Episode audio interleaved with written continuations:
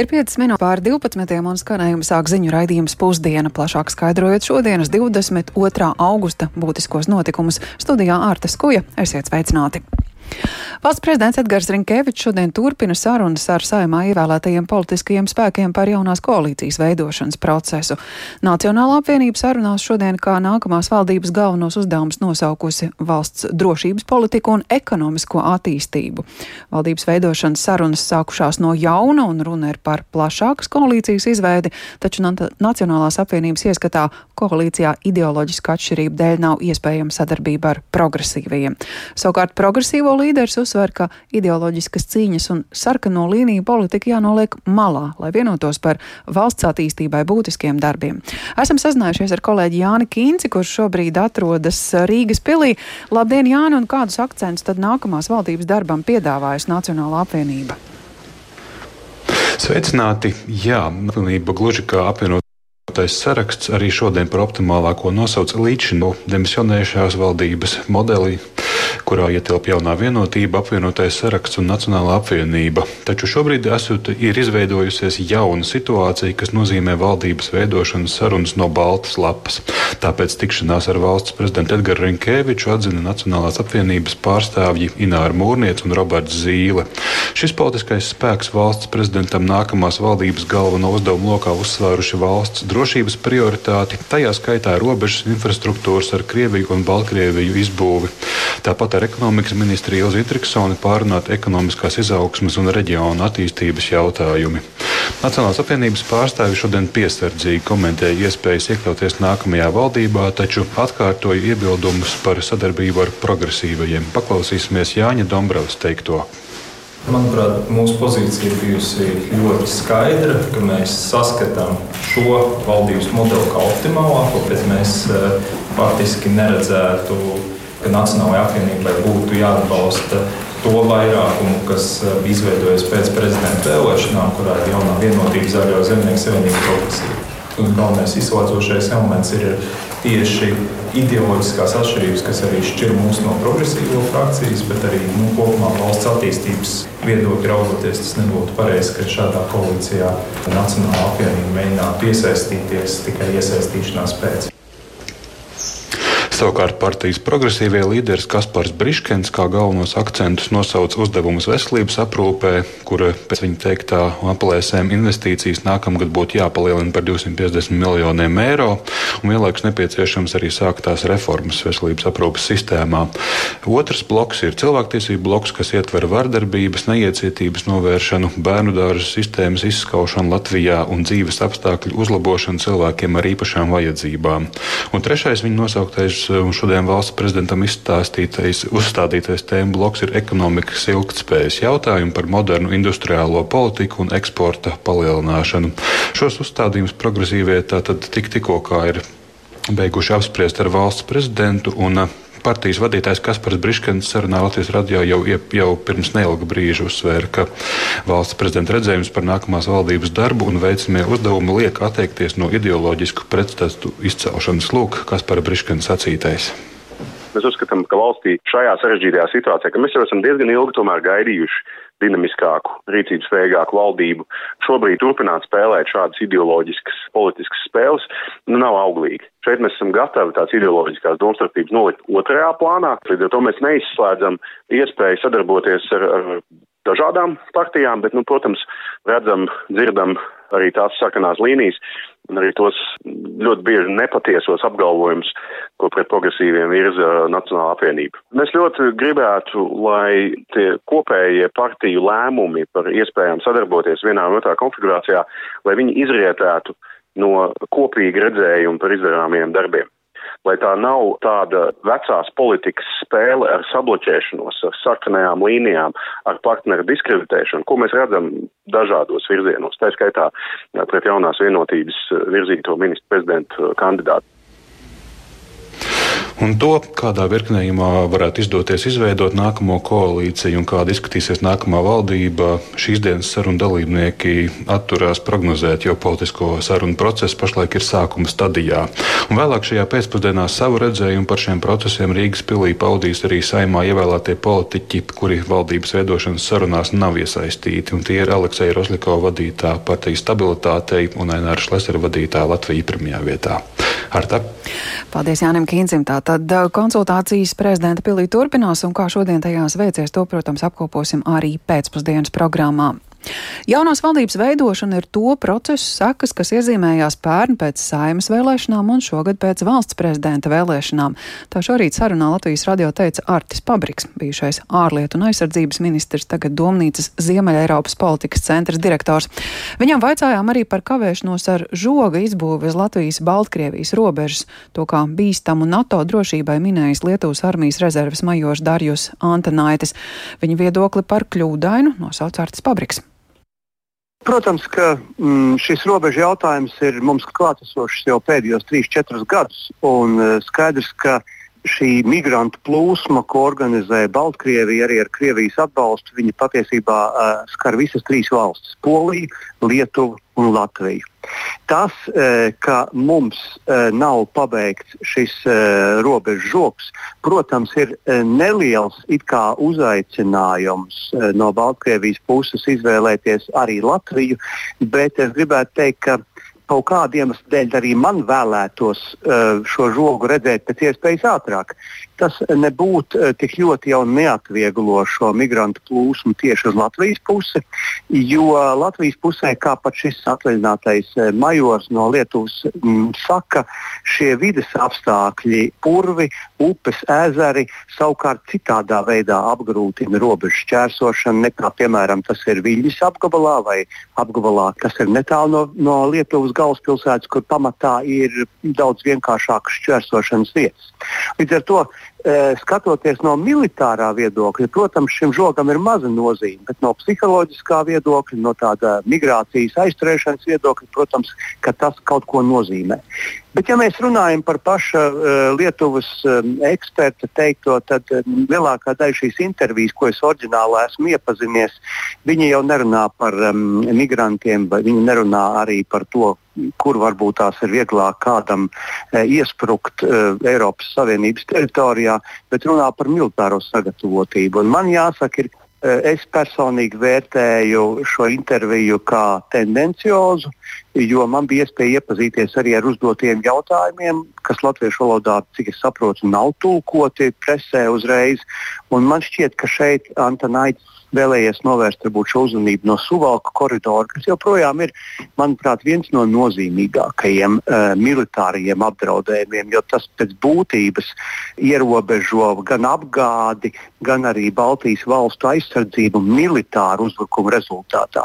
Jo būsim, būsim godīgi, ja kāds, piemēram, ieņems eh, ciematu Eh, Latvijas teritorijā pie robežas uz kādu laiku, tas neradīs tāda tipa militāro apdraudējumu kā suvalku koridoru slēgšana. Un tas nu gan ir jāsaprot. Eh, bet par robežu eh, un par žogu, protams, ka mums žoks nebija valstī, valdībai prioritāte, kamēr pēc būtības nesākās šī migrantu krīze un nesākās Ukraiņas karš. Un pašlaik, diemžēl, mēs neesam spējīgi to veikt efektīvi un ar šādām lietām, teiksim, apdraudējuma apstākļos tikt galā, jo uh, mūsu un tas ir mans vērtējums, protams, mūsu valsts pārvaldē bieži dominē process kā galvenais elements un nevis rezultāts, eh, kas būtu kādreiz jāsasniedz. Un mums ir jāmaina mūsu politiskajā domāšanā tā attieksme pret darbu. Tā domnīcas Ziemeļ-Eiropas politikas centra direktors Ārtis Pabriks un, nu, runāsim par mobilitāti. Līdz gada beigām Latvijā saruks dzelzceļa pieturu skaits. Sabiedriskā transporta padome mazā pasažieru skaita dēļ nolēmusi slēgt sešas stacijas tā sociālajā platformā. Facebook, protams, manāms pamatīgs um, viedokļu virpulis. Daudzi par šo lēmumu ir sašutuši, un par to vairāk gatavs ir stāstīt kolēģis Viktors Demīdovs, kurš pievienojas mums studijā. Sveiks, Viktor! Un, nu, loģisks jautājums, kāpēc padomu pieņem šādu lēmumu, ņemot vērā, ka mums nepārtraukti tiek stāstīts, ka dzelzceļš ir sabiedriskā transporta mugurkauls? Labdien! Jā, precīzi. Tuvāko tātad mēnešu laikā gatavojas slēgt staciju cena, kas ir Jāgavas līnijā, tad arī Kūdra, Tukuma līnijā, Inčupes kultas līnijā. Savukārt aizkrauklis līnijā gatavojas slēgt pat trīs pieturas - dārziņus, rumbulu un kaibalu. Iemesls ļoti maz pasažieru uh, skaits šajās pieturvietās iekāp un izkāp. Un pēc autotransporta direkcijas datiem pagājušajā gadā darba dienās šajās pieturās vienā vilcienā iekāpa izkāpa vidēji mazāk par vienu cilvēku. Un uh, brīvdienās uh, bija pat vēl mazāk, un, un, un respektīvi bija tādi reisi, kuros nu, nevienam cilvēkam šī pietura nebija vajadzīga. Neviens tur nestāvēja pieturā, nevienam nevajadzēja izkāpt vai, un, un, un, tā, un tā tālāk. Un, lai gan lēmums ir pieņemts nu, pavisam nu, šajās dienās, respektīvi, sabiedriskā transporta padoma par to ir spriedusi jau kopš 2019. gada, nu, kad nu, uz to ir jāvirzās. Un, un tā man informēja autotransporta direkcijā.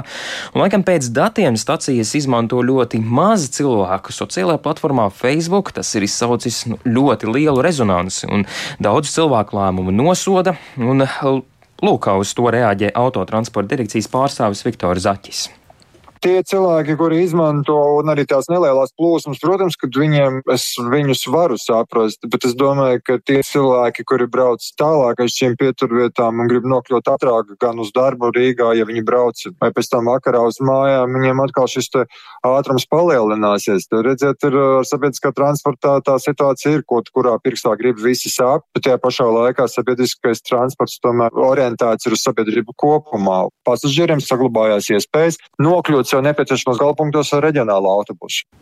Tālāk autotransporta direkcijas pārstāvis Viktors Zaķis. Jā, ja mēs runājam, tad sešas pieturas, nu cik tas ir no kopumā, jā, tad ja paraugās uz maršrutu schēmu, tad kopumā pēc pasažieru vilciens informācijas ir 135 jā. stacijas, un ja sešas gatavojas nu, likvidēt, nu, slēgt, tad attiecīgi. Nu, šķiet, šķiet sīkums, jā, 4%, bet, nu, kā jau mēs, kā jau es pieminēju to Facebook, nu, tad tur izskatās cilvēkiem tik tiešām tas, tas jautājums ir ļoti aktuāls. Un jāņem vērā, ka neviena no minētajām stacijām nav plānots iekļaut uh, peronu modernizācijas projektā, kas, kas ir jāpabeidz līdz gada beigām. Tātad tā, tā atgādināšu 40 vairāk, gan arī 50 pieturas, un tā skaitā arī 4 uh, pavisam jaunas pieturas plānotas modernizēt.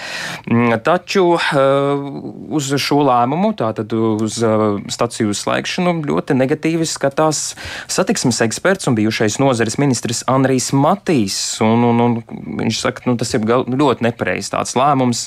Atgādinot, ka šogad nu, ir gaidāmi arī jaunie elektrovilcieni. Lūdzu, paklausīsimies viņu.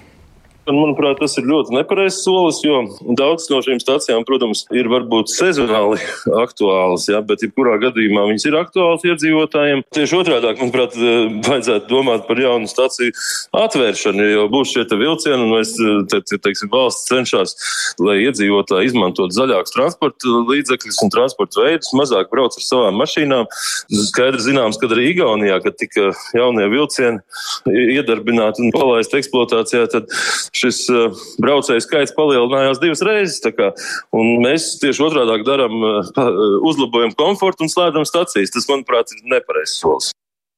Nu jā, tālūk arī satiksmes eksperts Andrijs Matīs par, par šādu soli. Un es teiktu, ka līdzīgi arī izteicās aģ, arī aģentūrā Leta bijušais satiksmes ministrs Tāls Linkaits arī nosodot šādu lēmumu. Bet eh, vēl piebildīšu, ka ja mēs runājam par jaunām pieturvietām, ko arī Matīs pateica, nu tad ir, ir jā, nu, jābūvē jaunas pieturvietas, tad uh, Latvijas dzelzceļš ir piešķīris uh, sešām jaunām dzelzceļa pieturvietām jaunus nosaukumus nosaukumus. Nu, tad, piemēram, Jālgavas virziena dzelzceļa līnijā diviem jaunajiem pieturas punktiem piešķirts nosaukums Bērnu slimnīca Baloži un Siguldas dzelzceļa līnijā tad būs arī Šmerlis un tad arī vēl citi nosaukumi kopumā tad seši. Tā kā virziens apusējs. Paldies Viktoram Demīdovam. Lūk tā, mēs diskutējam par dzelzceļa satiksmi, bet pavisam citas diskusijas Japānas un kaimiņu valstu vidū. Japānas valdība ir paziņojusi, ka šonadēļ Klusajā okeānā sāks ievadīt attīrītus radioaktīvos aktīvos notekūdeņus no 2011. gadā avarējušās Fukushimas atomelektrostācijas. Tokija apgalvo, ka process notiks stingri, ievērojot drošības prasības, bet neraugoties uz to, lēmums ir izsaucis plašu kritiku kritiku gan Japānā, gan arī kaimiņu valstīs, kas bažīs par radioaktīvo piesārņojumu. Lai uzzinātu vairāk par gaidāmo notikumu tiešraidē, esam sazinājušies ar kolēģi Uldi Česberi, kuram arī varam vaicāt, kāpēc Japānas valdība vēlas attīrīto ūdeni ielaist vispār okeānā. Jā, labdien! Vispirms jāatgādina, ka 2011. gada 11. martā spēcīga zemestrīce un tam sekojošais tsunami izraisīja Fukushimas atomelektrostācijas avāriju, kas izvērtās par vienu no pasaules vēsturē lielākajām kodola katastrofām. Un 13 gadus pēc avārijas turpinās darbi, lai no nopostītās stacijas droši izvestu visus radioaktīvos materiālus. Un viens no sarežģītākajiem uzdevumiem bija savākt un attīrīt ūdeni, ko izmantoja, lai dzēsētu spēks, spēkstacijas reaktoru kodolus. Un līdz šim ir izdevies savākt un attīrīt aptuveni 1,3 miljonus kubikmetru ūdens, kas eh, glabājas aptuveni ne, tūkstoši tvertnēs. Un tā kā vairs nepietiek vietas, kur šo ūdeni glabāt, tad Japānas valdība jau pirms vairākiem gadiem nolēma, ka tas tiks ielaists klusajā okeānā. Japānas premjerministrs Fumio Kishida šodien pēc uh, valdības uh, sēdes paziņoja, ka Fukushimas atomelektrostācijas operators TEPCO ceturtdien varētu sākt attīrītā ūdens ielaišanu okeānā, un tad varam paklausīties viņa teikto. 東京電力に対しては 原子力規制委員会の認可を受けた計画 TEPCO tiek lūgts ātri sagatavoties ūdens novadīšanas uzsākšanai saskaņā ar atbildīgo institūciju apstiprināto plānu, kas attiecas uz datumu. Paredzams, ka tas būs 24. augusts, ja to atļaus laikapstākļi un apstākļi jūrā. Šodienas valdības sēdē mēs apstiprinājām, ka esam gatavi veikt pasākumus, lai veicinātu drošību un palīdzētu vērsties pret kaitīgām baumām. ことを確認 Jā, un šis plāns paredz, ka dienā okeānā varēs iepludināt ne vairāk kā 500 tūkstošus litru attīrītā ūdens. E, Japānas valdība un spēkstacijas operators apgalvo, ka šis ūdens ir attīrīts no faktiski vis, fakt, visām radioaktīvajām vielām, izņemot tritiju, ko ir grūti atdalīt no ūdens. Taču tritija koncentrācija ūdenī esot daudzkārt zemāka par atļautu līmeni. Un arī Startautiskā atomenerģijas aģentūra ir akceptējusi Japānas valdības plānu un jūlijā tā publicēja ziņojumu, kurā bija teikts, ka šis te atbrīvotais ūdens radīs nenozīmīgu radioloģisko ietekmi uz cilvēkiem un vidi. Jā, tāds ir atbildīgo institūciju skaidrojums, bet kāds ir Japānas sabiedrības un gal galā kaimiņu valstu viedoklis par to, ka, lai arī attīrīts, bet uh, attīrītais radioaktīvais ūdens nonāks okeānā?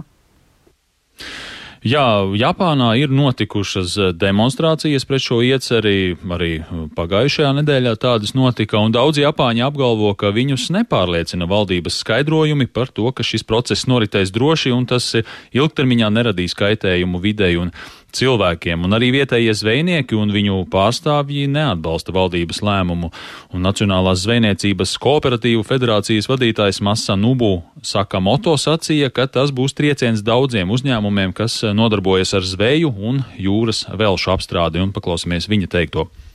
Jo, jo šā, Attīrītā ūdens ielaišanai okeānā nav zvejnieku un plašākas sabiedrības atbalsts, un mūsu nostāja pret to nemainīsies. Zinātniskā drošība nenozīmē, ka cilvēki jutīsies droši savā ikdienas dzīvē. Pat ja Fukushimas ūdens novadīšana okeānā zinātniski ir droša, reputācijas kaitējums vietējiem uzņēmumiem saglabājas. O, jo, jo, Jā, un arī kaimiņu valstis neslēp bažas par šo soli. Piemēram, Dienvidkorejā ir notikuši protesti, kuru laikā iedzīvotāji ir piepraši, pieprasījuši valdību nosodīt Japānas rīcību. Taču Dienvidkorejas prezidents Juns Sukjols līdz šim ir izvairījies to darīt viena iemesla dēļ, jo viņa ārpolitikas prioritāte ir attiecību uzlabošana ar Japānu laikā, kad Ķīna izvērš mm, arvien agresīvāku ārpolitiku, bet Ziemeļkoreja turpina draudēt ar kodolieroču izmantošanu. Savukārt Ķīna jau ir aizliegusi zivju un citu jūras velšu importu no vairākiem Japānas reģioniem, norādot, ka bažījies par šo produktu drošumu.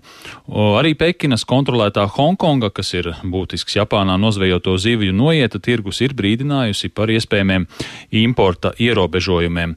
Ārpolitikas eksperti uzskata, ka Ķīna šo jautājumu izmanto, lai izdarītu politisku un ekonomisku spiedienu uz Japānu un iespējams arī mēģinātu traucēt Japānas un Dienvidkorejas centienus uzlabot attiecības.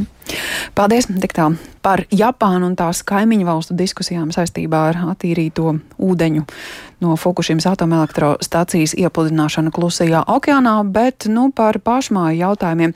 Ir apritējuši divas nedēļas kopš negaiss un vētra pamatīgi izpostīja vairākus novadus Latvijā, to skait Dobeles novadu.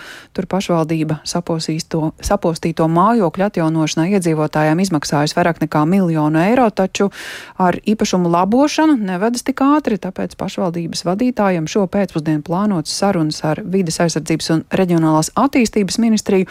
Savukārt mēs šobrīd par to varam sarunāties ar Dobels novada domas priekšsēdētāju Īvāru Gorski. Labdien! Labdien, labdien! Kas ir tās problēmas, ar kurām jūs saskarties, par kurām ir jārunā ar ministriju lūdzot pagarinājumu? Principā tās problēmas lielākās ir faktiski divas. Pirmais ir šis šīfers, uh, savākšana, būgrušu savākšana, kur mēs redzam, ka mēneša laikā, ja mums bija uzstādījums mēneša laikā iedot visas izmaksas, mēs nevaram to izdarīt, jo šīferis un būgruži jāturpina vākt attiecīgi, un, un, un mēs redzam, ka noteikti šis termiņš ir jāpagarina.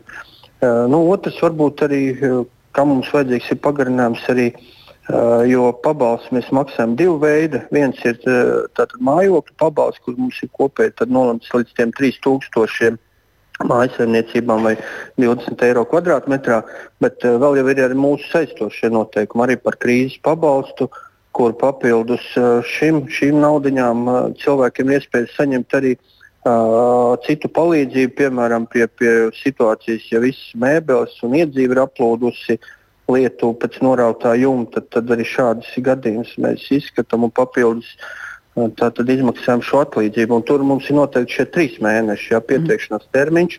Līdz ar to par visiem šiem jautājumiem jārunā ar varamu, jāvienojas par šiem skaidriem termiņiem, kuros mēs varam iesniegt. Nu, risinājumi ir divi. Vai nu mēs ejam divreiz pēc līdzekļiem neparedzētiem gadījumiem, kur ministri apkopo un iesniedz tālāk ministru kabinetā Vai otrs variants, ka varbūt uh, pirmotnēji tiek izmaksāts kaut kāds uh, avans maksājums, kuru mēs var, varam apgūt līdz varbūt gada beigām un atskaitīties. Gribējās izprast, kāpēc tā būgružu savākšana kavējas, jo šķiet, ka nu, tas bija pirmais, ko cilvēki darīja, aizvāca norautos jumtus un domāja, kā labot. Nē, tur ir tās problēmas situācija ir uh, divas. Pirmkārt, uh, cilvēki gaida, faktiski, kad varēs gan saņemt šo finansējumu, ko mēs izmaksājam, gan arī papildus, jo mēs jau maksājam tikai par mājokļiem, bet vēl ir vesela virkne saimniecību sēku, kur neiet tik raiti šie atjaunošanas darbi. Otrkārt ir zemnieki, kuri šobrīd visu mēnesi bija aizņemti ražas kulšanā. Viņi vienkārši fiziski netiek klāt šiem darbiem, lai, lai varētu šo veco šīferi noņemt. Treškārt ir tā, ka tās arī plēves pagaidu, kas ir uzsegtas, uh, citām ēkām ir uzsegtas pa virsmu arī šim šīferim. Jā, lai, lai, lai tā kā, tā kā, nu, tā mm. situācija ir daudz, un, un šo nenoņemto jumtu uh, tiešām arī vēl ir ļoti, ļoti daudz. Kaut gan, ja mēs skatāmies pēc apjomiem, jau šodien mēs esam vairāk kā 420 tonnas aizveduši ja, šo šīferi, bet, bet mēs redzam, ka viņi noteikti būs vēl divreiz vairāk. Vai šobrīd jau varam pavilkt svītru un rezumēt, ka visi pieteikumi par vētras radītajiem postījumiem ir saņemti, vai tomēr tie vēl nāks klāt? Cik, cik daudz to šobrīd jau ir? Tātad šobrīd uh, mums ir uh, pieņemti 894 iesniegumi tieši par mājokļiem atbalstam. Uh, no tiem tātad, uh, ir pieņemti arī 396 lēmumi, Bet eh, šeit jāmin, ka lēmums var attiekties vairākām maisaimniecībām.